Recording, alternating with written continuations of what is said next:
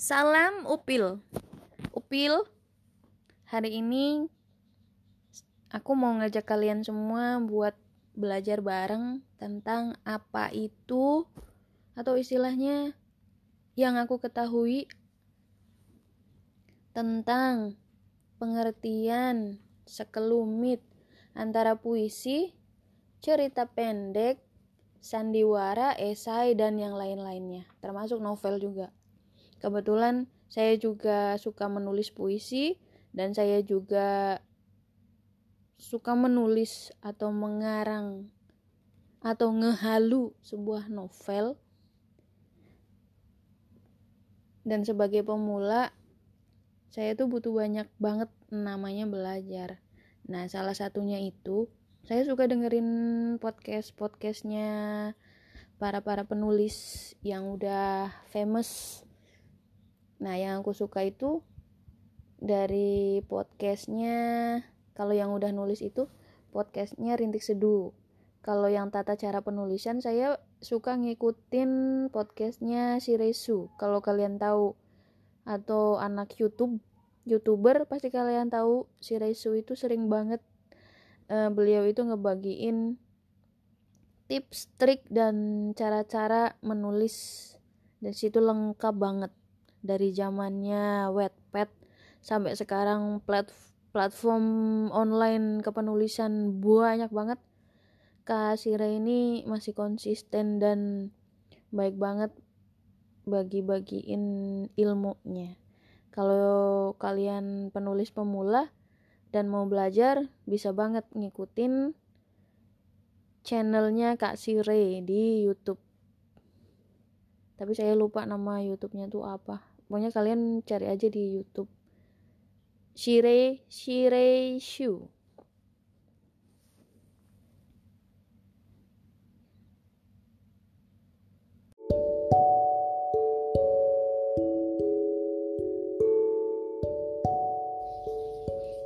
Halo Upil. Kali ini aku mau ngajak kalian buat diskusi tentang yang namanya puisi Puisi atau yang biasa kita kenal sebagai bait pendek gitu ya. Puisi juga ada macam-macamnya. Yang kalau yang saya tahu itu ada putika, puisi tiga kata, puisi lima kata, dan puisi yang biasa. Nah, puisi sendiri diartikan sebagai sebuah penyampaian perasaan hayal atau juga bisa persepsi atau emosi yang kalau misalnya kita baca itu terasa hidupnya gitu. Puisi juga menggunakan sedikit kata, diksinya itu khusus kan terus dipilih sesuai dengan bunyi atau bunyinya gitu. Yang kita ketahui kalau pas kita belajar dulu zaman SD itu ada istilahnya kalau puisi itu a a a a kalau pantun kan a b a b gitu ya. Nah karena puisi memusatkan pada irama dan suara maka puisi merupakan bentuk tulisan di antara musik dan prosa Nah, itu yang saya baca dari buku karyanya Mbak siapa ya? Mbak Nunik. Karyanya Mbak Nunik. Jadi puisi itu mungkin banget buat dibaca keras-keras untuk kesenangan karena bunyi dan iramanya gitu.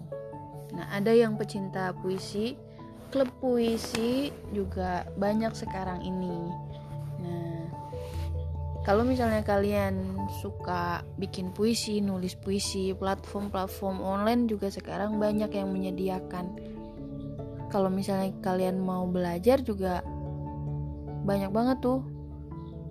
Ada ada grup di medsos yang udah gede banget yang sempet viral gara-gara si grupnya itu kena banned Nah, itu juga mereka nyediain platform khusus untuk kumpulan puisi. Siapa tahu dari teman-teman Upil ada yang hobi, minat atau suka. Forum bacanya juga ada. Situ bisa gabung di situ. Kalau Upil sendiri suka bikin puisi tapi ya puisi ala-ala itu puisi ala-ala ci ala-ala anak senja atau enggak puisi yang enggak berkonsep istilahnya gitu. Kan ada puisi yang dengan diksi yang keren konsepnya bagus. Nah kalau sekarang-sekarang ini dan termasuk Upil sendiri kalau bikin puisi ya udah bikin aja gitu. Dengan pakemnya yang dulu belajar pelajaran SD atau SMP gitu yang AAAA gitu tanpa memikirkan diksi nulis ya udah nulis aja gitu. Bikin puisi yang penting ngena sama satu kunci yang selalu dipegang yaitu ketika nulis puisi yang penting itu emosi emosinya tuh dapet gitu. Maka pas dibaca keras pas dibaca pas dibaca lantang itu juga ngena gitu. Nggak cuman sebuah kalimat yang menyek-menyek terus dibaca kenceng terus disebut puisi nah kalau menurut kalian gimana?